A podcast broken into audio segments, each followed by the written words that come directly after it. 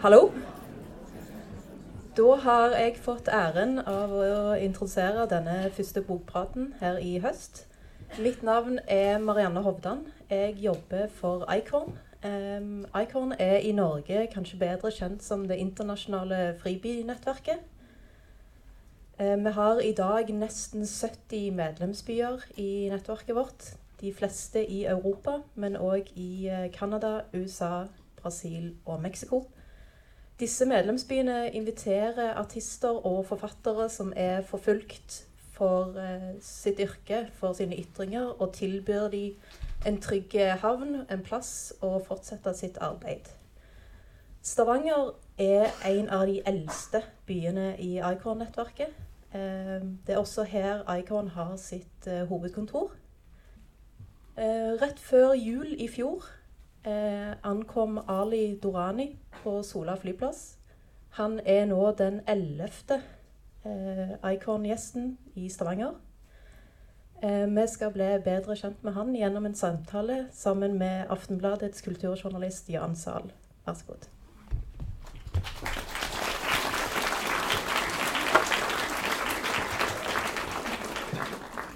Ja, takk skal du ha, og velkommen.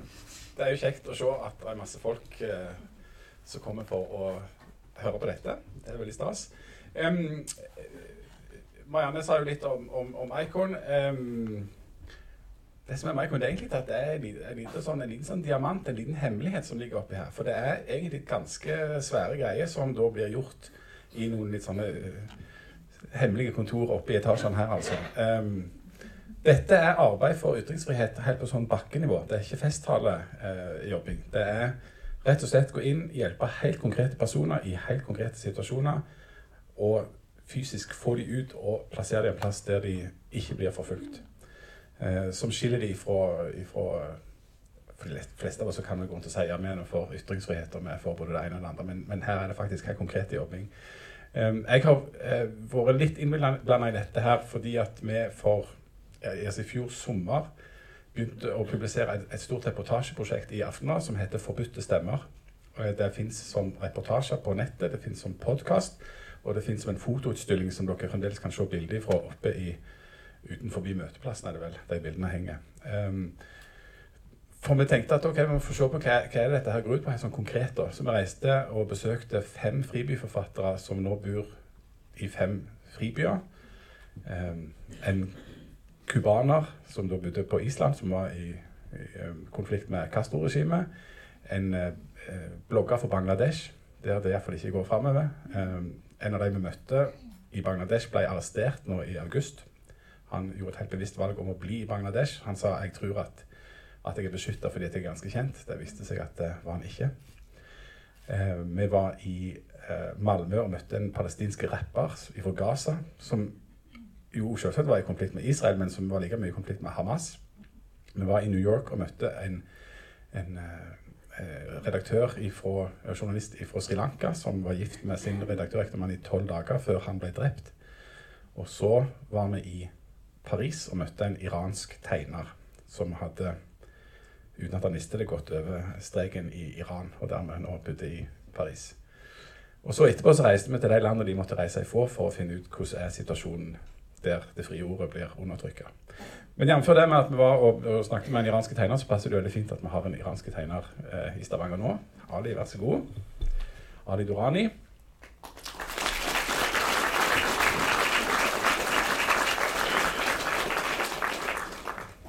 Hi, uh, my name is Ali Durrani, and I'm the new uh, uh, freebie artist in Stavanger. Welcome. Thank you. And as you will probably have figured out by now, this is the rest of this is going to be in English. So okay. hopefully you understand English. So, Ali, you're originally from Iran. Yeah, I'm originally from Iran. Yes. Um, then you left Iran. I know what answer I'm going to get now, but I'm going to answer you anyway. Why did you leave Iran? Well, I don't usually talk about it, about the reason why I left Iran because of my family security. Mm. Uh, it's better for me to be quiet a little bit more. Mm. That means that we're not going to talk about the freedom of expression in Iran so much, but we're going to talk about what happened to you after you left Mhm. Iran, basically. Yeah. Because at some point in 2013, you left Iran, and um, how did you leave, and, and, and what happened? Uh, in 2013, I it I had I wanted to fly to Australia. I wanted to travel to Australia, but uh, when you live in Iran, you don't have many chances to get like uh, visa to enter Australia directly. So I had to. The easiest way to get to Australia was flying to Indonesia straight from Iran, and yeah, I flew to Indonesia in 2013 about uh, May.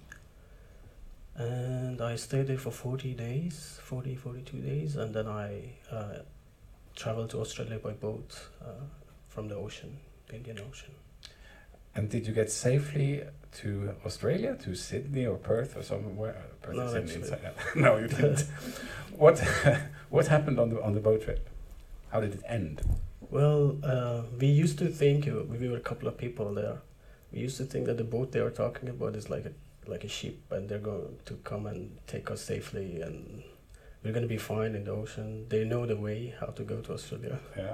But uh, we, when we were getting closer to the beach, uh, I I was finding a lot of uh, more scary things about the boat Yeah. because uh, we had to get to the trucks, and then the trucks were like uh, so s- small trucks, like fifty people in each truck, and we had to be quiet and. Uh, a long way, almost 12 hours in the truck. And yeah, Yeah. we got to the beach and I looked at the boat, I remember. Because a lot of people at the beach, they knew we were going to travel. Mm. So they were there to take our bags and stuff for themselves, you know, Yeah. take things away for, for themselves. And uh, I was looking at the boat uh, from the beach and I was like, okay, that's it Yeah. this is the end and uh, i didn't have any other choices so i couldn't go back No. to the city uh, i couldn't risk to go back to the city because i was out of visa and i couldn't go back home anymore and so this was the straight travel without uh, coming back Oh. So what i did was just i said that's it get to the boat and go wherever the boat boat takes you Yeah. and And where did Uh, the boat take you? the boat, the ocean was uh, like full of uh, wind and waves, and it was so scary. My first time being on a boat, and I don't even know how to swim. I still don't know how to swim. so what I did uh, was uh, when I got to the boat, I took off all my clothes because I was thinking that if I'm heavy, I'm gonna sink faster. Mm. so what I did was I took off all my clothes and I wore a life jacket, and I sat down in the middle of the boat. Uh, no, actually, before I sit down, I was like trying to help people to get on the boat as well. Oh. But then I got a bit sick, and I sit down in the middle of the boat, um, waiting for the destination. And did you get safely to your destination? Um, after 52 hours being on the boat, uh, without GPS, without anything, uh, no clothes, uh, we got uh, caught by Australian Navy in Australian borders in the ocean, and they took us. Uh, they didn't take us out of the boat to their ship. Uh, they told us that we have to go by ourselves, by ourselves, and then they follow us. Mm. and uh, the ship was sinking full of water and we had to go faster and faster. And uh, when we got close to one of the islands in uh, north uh, west of australia called christmas island and uh, safely. And then they uh, uh, came to us and they read the paper for us that uh, we are arrested by australian government at the moment and we are under australia's protection and we entered australia by entered australia yeah. Because um, Australian islands and like Christmas Island, that sounds kind of exotic and uh, maybe romantic to Norwegians. Nice beaches, probably palm trees and coconuts and everything. But you did not arrive at, in any like paradise kind of situation. The island was paradise. The itself, island was the paradise, itself, yeah. So they took you out of there. Yeah, uh, but uh, when we got to the island, the island was so beautiful, and I was like, okay, so we're gonna spend uh, uh, like a little time in there, like maybe one or two months, and then they're gonna process us and take us to Australia. Uh, so what we did was uh, we waited for them to take us to the buses and with our property and stuff, and um, they took us to a detention center. I knew I'm going to detention center, so I was even feeling safe to be in detention center. Uh, but I didn't know how long it's gonna take. I was thinking like it's gonna take like one or two months and that's it. But no, I wasn't so lucky. Yeah. How long did it take? Uh, for me to get out of there t- took almost five years. Yes. Yeah. But the detention center you ended up in was in M- somewhere called Man- Manus Island, or is that just the name of the detention center? No, Manus Island is an island in another country, Yeah. North Australia. Yeah. So, so- so Uh, that's where you spent Most of my time. most of yeah, time. yeah. Yes. And in one way, this is where the story starts about you Yeah. drawing and and sitting here now, Mhm. basically. Because what what did you do when you when you got there? Uh, and I'm not talking about like finding your bed and everything, but when it comes to drawing. I when when I arrived in Christmas Island, I was uh, I had OCD like before I come to I go to Australia. Uh, OCD means like uh, cleaning all the time, like keeping myself clean, out of germs. And uh, when I got to Christmas Island, I didn't have um, much control on myself and my uh, situation. So this OCD got worse until Uh, just OCD. That that's English for what is the obsessive compulsive disorder. Ja, obsess, alltså en sån tvangshandling är väl. Yeah, yeah, like cleaning all the time. Ja. Yeah. And uh, because of that, I started drawing to make my mind busier, to not to think about germs anymore. That was the way I started drawing. But had you been drawing before, or was this the first Yeah. I've been drawing since when I was five or six years old. Uh, but before, because of uh, the situation in Iran, I couldn't draw anymore until I got out and I started drawing in Christmas Island because of the illness I had.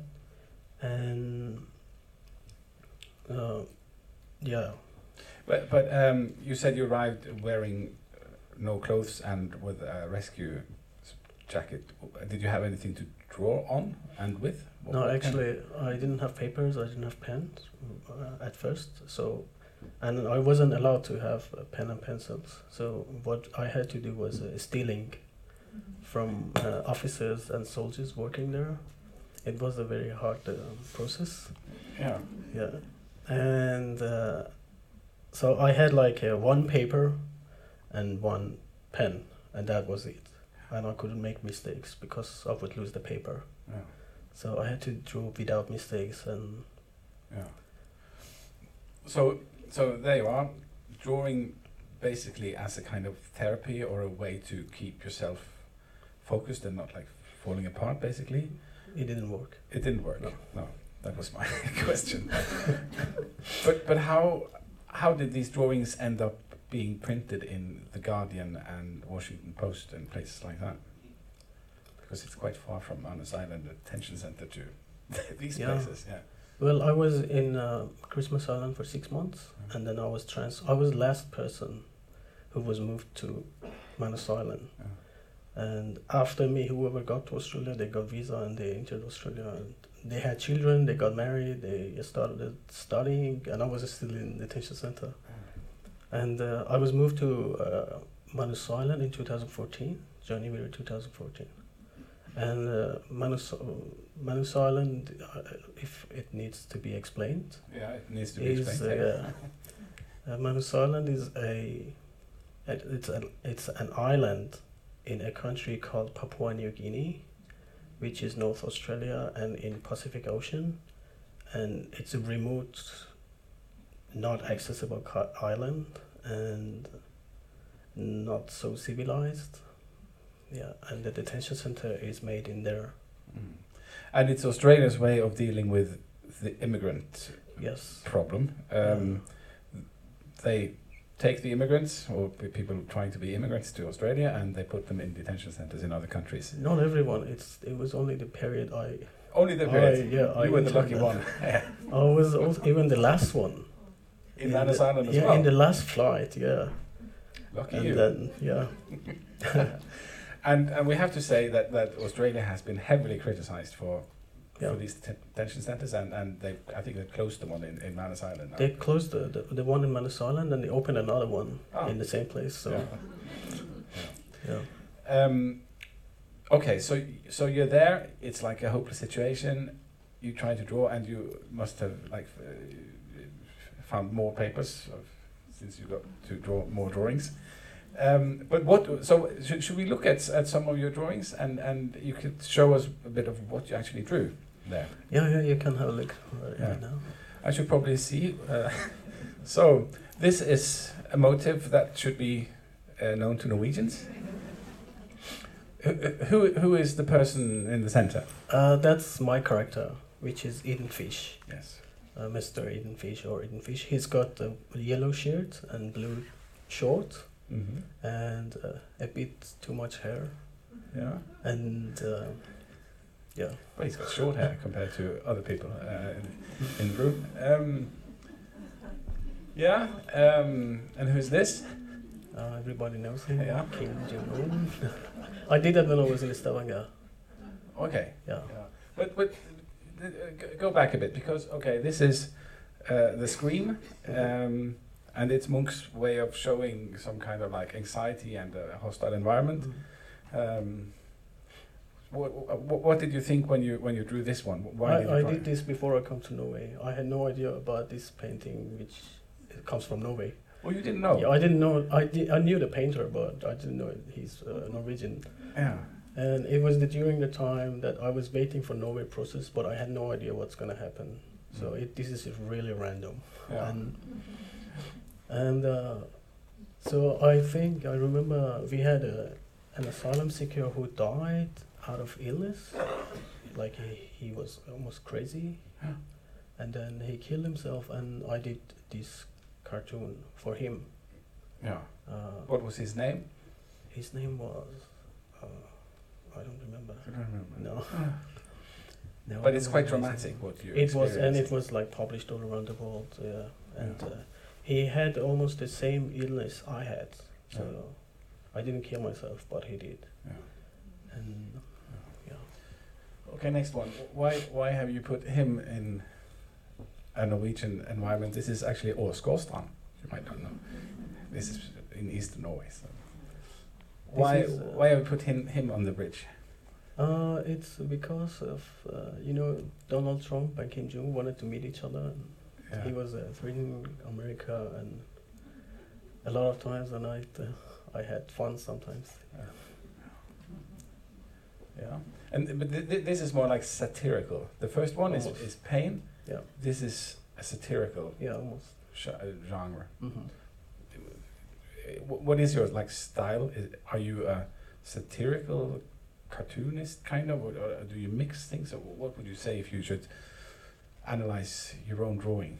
Uh, I can say I am a comic artist, but I also criticize government sometimes Yeah, and mix paintings and drawings sometimes. Yeah. Which makes sense. which makes sense. Yeah. Yeah. If it doesn't make sense, I don't do it. Okay, tell us about this one. This is a Castaway drawing. Uh, comes from the idea comes from the movie Castaway, and the security used to work in Manus Island. They were called Wilsons, Wilson Company. Yeah. So I got the idea of Castaway and the Wilson, Mhm. the character Wilson there. Then I drew this. This was also after another asylum seeker killed himself, I think. Yeah. Was was was this pub- published yeah, anywhere? this, uh, yeah, they are published. Uh, Where?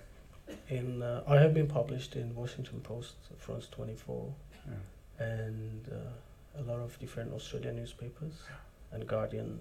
Yeah. But how, how did you how did you get your drawings out and how did you get in touch with these places? That's a longer story. Is it a good story? Long story and a good story. As long as it's good, it's okay if it's long. Uh, yeah. Uh, I when I entered Manus Island, it was January 2014, and it was end of the world. Like no hope about getting out of there. So, and I stopped drawing actually when I got there for a month, I think. And because uh, I didn't have papers and no pen, nothing. And there was also this uh, big attack once in February 2014, which uh, uh, was uh, terrible. One of the asylum seekers died because uh, local people attacked inside and then they wanted to kill us. That was also a problem which um, Australia made by telling locals that we are criminals and we are rapists, and you know that's why Australia is holding us there. So they were scared of us, and we were scared of them. And so they attacked in, and then they killed a, re- a refugee, and uh, we lost everything in that time uh, because uh, the kitchen, uh, the dining rooms, the rooms, they were all destroyed. And I remember, I'm gonna get to the story how I got my drawings out. So you can ask questions in between. Yeah. uh, so yeah, we uh, they destroyed everything, and I remember we we didn't have food for one month and a half, and the only thing we had was uh, bread, like a piece of bread that uh, uh, uh, government people used to bring it for us, like soldiers and officers, every morning, with a little bit of butter, and that was the only thing we had for one month and a half. And then uh, we didn't have access to telephone anymore because it was destroyed. Even when we had access to telephone, we couldn't make connections because the line wasn't so good. And we had only half an hour for like uh, 1,500 people uh, every every three four days.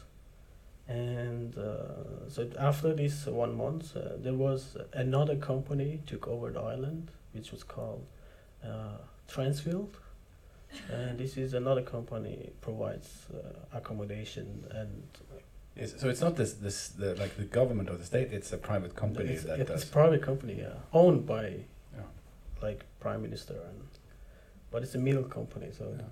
the complaint doesn't go to government straight away you know it goes through the middle company and the transworld company came and they took over and they were giving us services to keep us there so that was the reason they were there Yeah. and there were a lot of uh, female workers and men workers. Uh, we had like uh, English teachers and coming and providing classes and like, like uh, yeah, in hell, uh, preparing life for us in hell, you know. And uh, I didn't I, I didn't have access to internet and telephone uh, for a while until slowly everything got to routine again. And then we started having uh, phone times like uh, half an hour every three four days but no internet. Um, and i started drawing again. I started stealing papers and pen and uh, we were three uh, so one of us used to engage the guy and to steal yeah and and my drawings started again i started drawing uh, after three months I was in Manus Island. Uh, yeah. Yeah. And uh, after three months I was in Manus Island, I started also feeling sick physically. Yeah. Uh, so the drawing was a, be- re- a release for me to uh, kill the pain, maybe. Yeah. And uh, but no hope. So no internet, no hope. I couldn't get my drawings out. It was just something like a, every three, four days comes out of my tent, you know, for other people to read like a newspaper every week. Uh, So how did you get your drawings to Washington Post? Uh, after a year being in Manus Island, uh, the government allowed us to have internet. Uh, once in a week, I think. I remember once in a week, and it was 40 minutes almost. And uh, 30 minutes would take uh, to connect. and 10 minutes I had time to open my Facebook account and then check my things. Um, and we used to get uh, mobile phones smuggled in. So mobile phones with the camera. Yeah. Uh, that was the time I didn't have mobile phone, but I got from a friend to take a photo of my drawings, and then this is after a year. And uh, I took a photo of one of my drawings, which was a hand asking for help behind the fences. And uh, after that, I started uh, logging my Facebook account every week and sending random people messages, like thousands of people, but not getting any answer. And I used to send this uh, drawing with a message uh, that I am a cartoonist, I live in Manus Island, and uh, this is the only chance I can uh, publish news about Manus Island. And, uh, and I did this for two years. No answer. That's per- persistency. Yeah. So what I used to do was uh, uh, getting the internet fast, type fast, and then send it, and come out and wait for one week, and go back, and check the me- if I get any message, Oh. and then type another one and send. And this took me like a year, like uh, one year without internet and a year uh, with the internet. I started getting in touch with people outside. And um, the first person I got in touch was uh, Janet Galbraith, a human rights activist and refugee advocate in Australia. And and this was because you sent something to her, or was this just pure luck that she picked it up somehow? No, she picked it up from one of these random messages. Okay, Yeah, yeah. One of these these random messages, I think, went to one of her friends, Yeah. and then they got to know me like that. And um, uh, after two years spending time in Manus I started getting in touch with Janet Galbraith, and she had this exhibition. The first exhibition where I was published was in Melbourne uh, with her. And that was the time that people went to exhibition and they saw my drawings, and then they were like asking who whose drawings are there. And um, that was also another time that uh, one of the workers, he was a doctor, he was a psychologist. I don't know if he was a real doctor or not, but he was a psychologist. We knew him as a psychologist, and he got in touch with Janet Galbraith, and he told her that he's he knows me in the camp, and uh, he was also a person who smuggled my drawings out. So uh, then you end up with this campaign basically. So it's it's a global campaign called Save Eaten Fish. And if we are to like extract something from this story is, um, I mean, you, you you depend on somebody Mm-hmm. seeing you, because there are probably loads of people around the world writing, drawing, like in difficult circumstances, but most of them will never be picked up because nobody sees them. So, so you were in a way lucky because you, well, you well, you were persistent because you never gave up this thing. Uh, but somebody saw you, and that key person was able to launch a campaign and eventually help you. That? Yeah. yeah. But that also took another year. That took another year. Yeah. Yeah. So another year in this place. Yeah. Uh, but this time I was very sick. Uh, in 2015, after when I got in touch with Janet Galbraith, I had a hunger strike, a group hunger strike actually, and I did uh, I didn't eat for 15 days, and and I didn't drink almost for 15 days. But after that, I got so sick, I started uh, having seizures, panic attacks, and my OCD got worse. So I didn't like to talk to anyone anymore. I didn't like to go out much. I mean, I mean out, not out of the detention center, out in the yard. Mm. It, it wasn't even a yard, but Yeah. And um, when I got so sick, people were worried about me outside, and uh, that was the time I got in touch with Australian cartoonist through Janet Galbraith. Uh, he his name is uh, Andrew Marlton, but his artistic name is First Dog on the Moon, and he works for Guardian, and he was the first person who published me out Yeah. while I was so sick, and he was one of my best friends.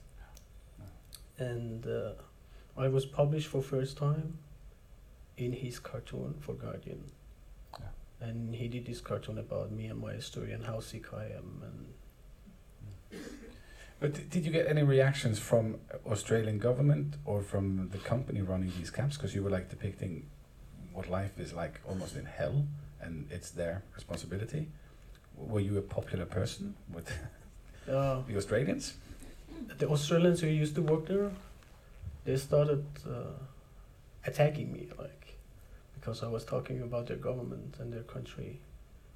And Attacking you like physically or verbally? physically and verbally, uh, and uh, like humiliating and you know racism. I don't know. Maybe they were not racist, but they started uh, putting pressure on us, like on me especially.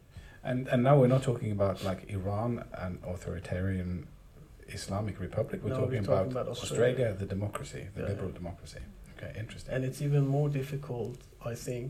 I spent time in Iran and I spent time in Australia. I think Australia was even worse Yeah.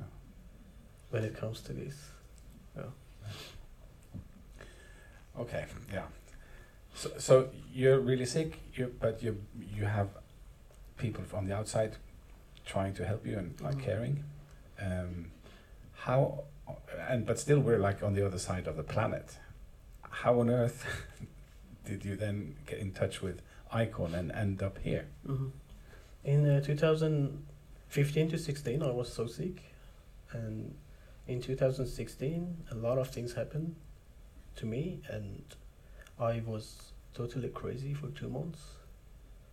Like crazy. Like crazy, crazy. like crazy. Like Okay. I didn't know who I was. I didn't Ah. because of the medication I was taking. And then, uh, and Australia's government wouldn't let me to enter Australia for treatment. So the doctors there, they had to give me something to fix me, and it didn't work. It made me crazy. And I was locked in the room for two months for only treatments, and I didn't have anything like uh, only sleeping, taking tablets, and that's it. And this was in May 2016, I think. That was the time that I got in touch with the United States um, uh, Cartoonist Organization uh, through Andrew Marlton, the cartoonist from Guardian. And then uh, they told me that they nominated me to get the award for a year, for the year, for the courageous cartoonist of the year. And then uh, that also made so much problem for me after. But it was July 2016 that I got nominated. In September 2016, I got the award. Not somebody got the award for for me in the United States. And then uh, this was a huge news in the world where the campaigns started. And then um, I got, I didn't know Icorn, but people from the United States they used to tell me that they were working on my case to get me out. Well, I didn't know it was through Icorn until 2017. I started. Uh, there was another refugee died because of uh, allergy to the weather. Yeah. To the what? To the to weather? weather. Yeah, yeah. He I didn't know that was an allergy, but yeah, yeah. He because of the the weather was so wet over there, and so hot, and he couldn't stand it. He started coughing, and then one day he got unconscious, fell down, and he died. Too much pressure inside, you know, because of the cough. And uh, I did a cartoon about him, and the night uh, people were trying to fix him because I was there, and I recorded everything in my mind, whatever, all the conversations they had, and I published it in Guardian. In Christmas 2017, no, 2016. 16. Yeah, yeah. Uh, 9 a.m. It was published, and then uh, that made so much problem for me. Uh, this time, officers and security with a personal problem, like coming to me face to face, and this wasn't even government pressure. It was this time person, and uh, I did a hunger strike after that to just to stop the pressure. You know, Yeah. I didn't want them to do anything. Just I wanted to. I, I wanted them to leave me alone. Like And uh, in this time, I was also living in isolation. So, and uh, in 2017, I did another hunger strike, which took, took almost uh, 21 days, and uh, I waited. I waited like 43, 44, okay, and uh, World campaign started when I had hunger strike. Uh, where these uh, very famous cartoonists and artists all around the world, painters, they did cartoons for me, Yeah. and then, uh, but I couldn't take it further. After 21 days, I, you know, when you can't feed your brain, Mm. your brain stops working. And Yeah. that time I was thinking about, I didn't plan to kill myself. I wasn't planning to do that, but my brain was telling me to do that, you know. So I stopped a hunger strike, uh, but I got physical damage inside my body, and that was the time I got to know Icorn, and they told me they are working on my case. The only I got one email Yeah. in February 2017 that Icorn is working on my case, and I didn't have internet to search Icorn, what Icorn is. So I got another email after three, four months uh, that they wanted to have my documents, and in 2000, I, I think it was uh, October 2017 that I got uh, the last email, which was uh, Norwegian from Norwegian government, which was a welcoming email, and uh, yeah, but I was so sick, I was in at the hospital, and because of the hunger strike, and yeah, but it made me so happy, but I was still so afraid Yeah. because I was thinking this is a plan from Iran's government this time Yeah, okay. to. so everything was like a paranoia, you know. Everything was so confusing for me. It was, and then a few days before Christmas, 2017, less than a year ago, you arrived Sola Airport, Stavanger, Yeah. which must have been a contrast, coming from from there to here. What was it like? Yeah, this another drawing. Maybe we should. Which one is this? This is another one. Yeah, yeah. The next, the, the, the next one. This one. Tell us about this one. Uh, this is about uh, sexual harassment in Manus Island. Uh, because I was under sexual harassment for so long, and I had to stay away from people Yeah, because they were crazy. They've gone crazy, you know. yeah, And I was even thinking, I'm I've gone crazy as well. so to stop people from coming close to me, I had to stay away from them, you know. yeah. So, no, actually, I didn't want to stay away, but the government decision was taking me to isolation. Yeah. To put me in isolation, like the isolation was one room and me myself. That's it. Yeah. And uh, yeah, and I started drawing these cartoons about uh, people around me, and because uh, yeah, even the like I don't know sexual harassment. So Yeah. But then you come, you go from like it sounds like hell to Stavanger, Norway, which must be one of the like most peaceful and undramatic places on the planet. What was your like first impression? Ha- ha- Had you even heard about Norway or No. Stavanger? No, you didn't. No. I knew Norway, You- but I didn't know there is a city called Stavanger. No. And uh, the pictures I saw before I come to Stavanger, it was summer. Uh, it was so green, and it was beautiful, like a beautiful, very beautiful city. Yeah. I say to myself, okay, I'm going now. I'm gonna get peace. And I got here. It was dark, dark night, so cold, no green. And I was like, this is so different.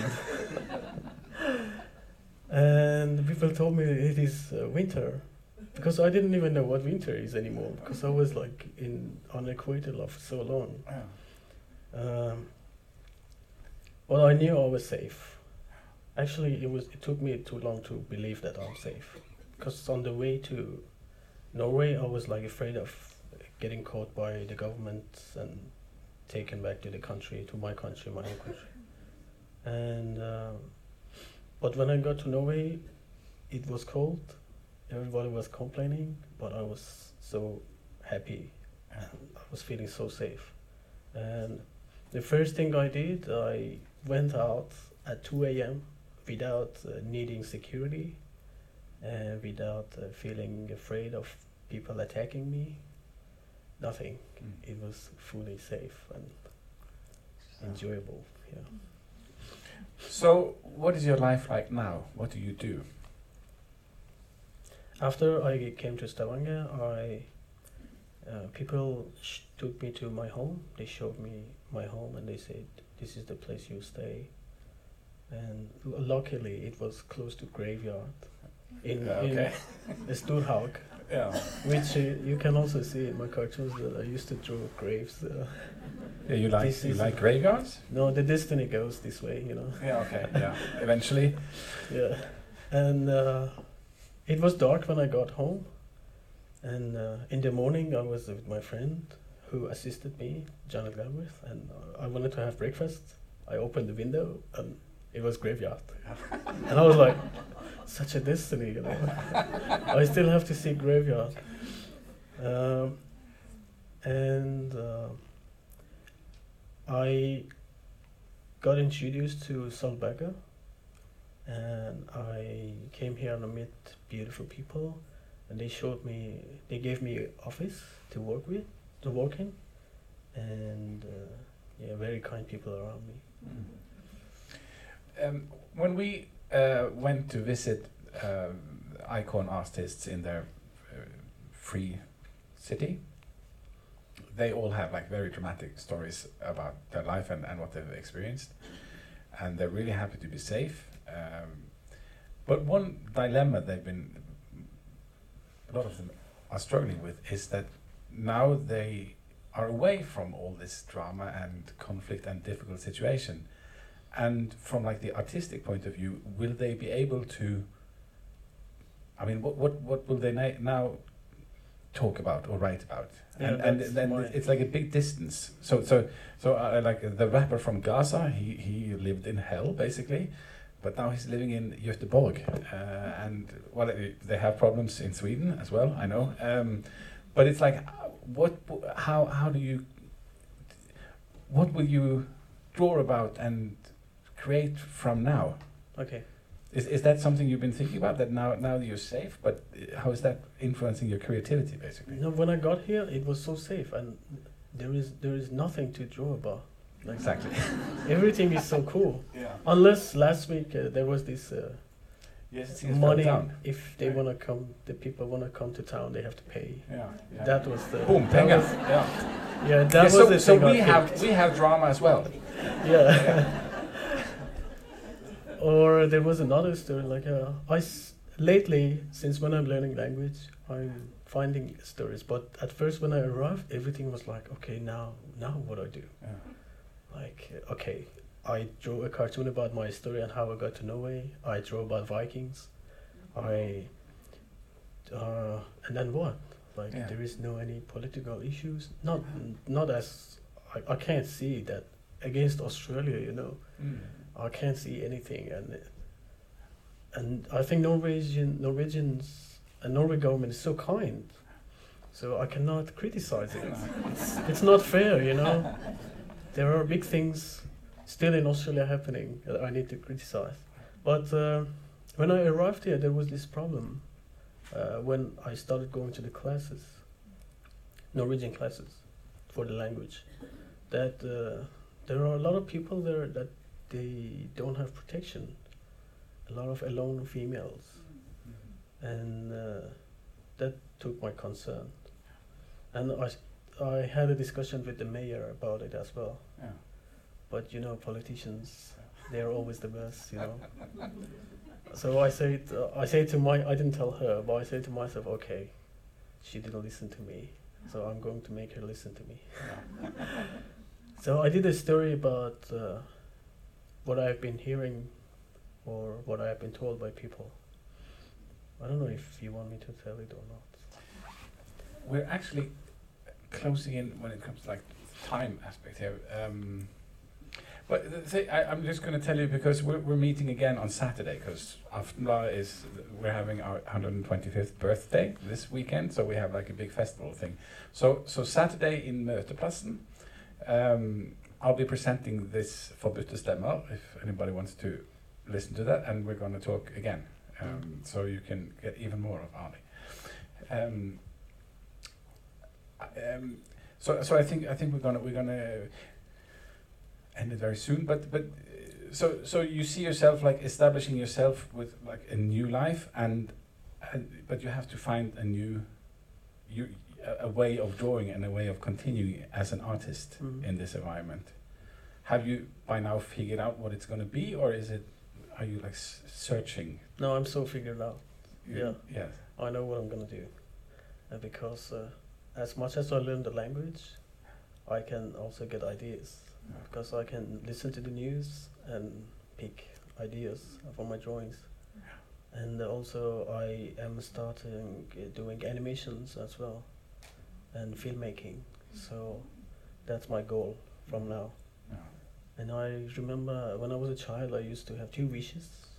Like one of them was a cartoon, being a cartoonist, and making the fish, uh, fish bone uh, well known. You know, I have this uh, fish bone everywhere. Like you can find it, it's over there. Yeah. Ah. That's my signature. Yeah. And when I was a child, I used to wish, because I used to read a lot of caricature magazines and wish that I, I want to be one of these. yeah. And that's my signature since childhood, beside my cartoons. And uh, I did that, like, it's very well known in Australia and well known almost between artists in the world. Yeah. So one of my wishes came true. And another one is, is uh, being a filmmaker, uh, and I'm trying it in Stavanger. Yeah. Yeah. Gonna be. We're gonna. We're anticipating your first film,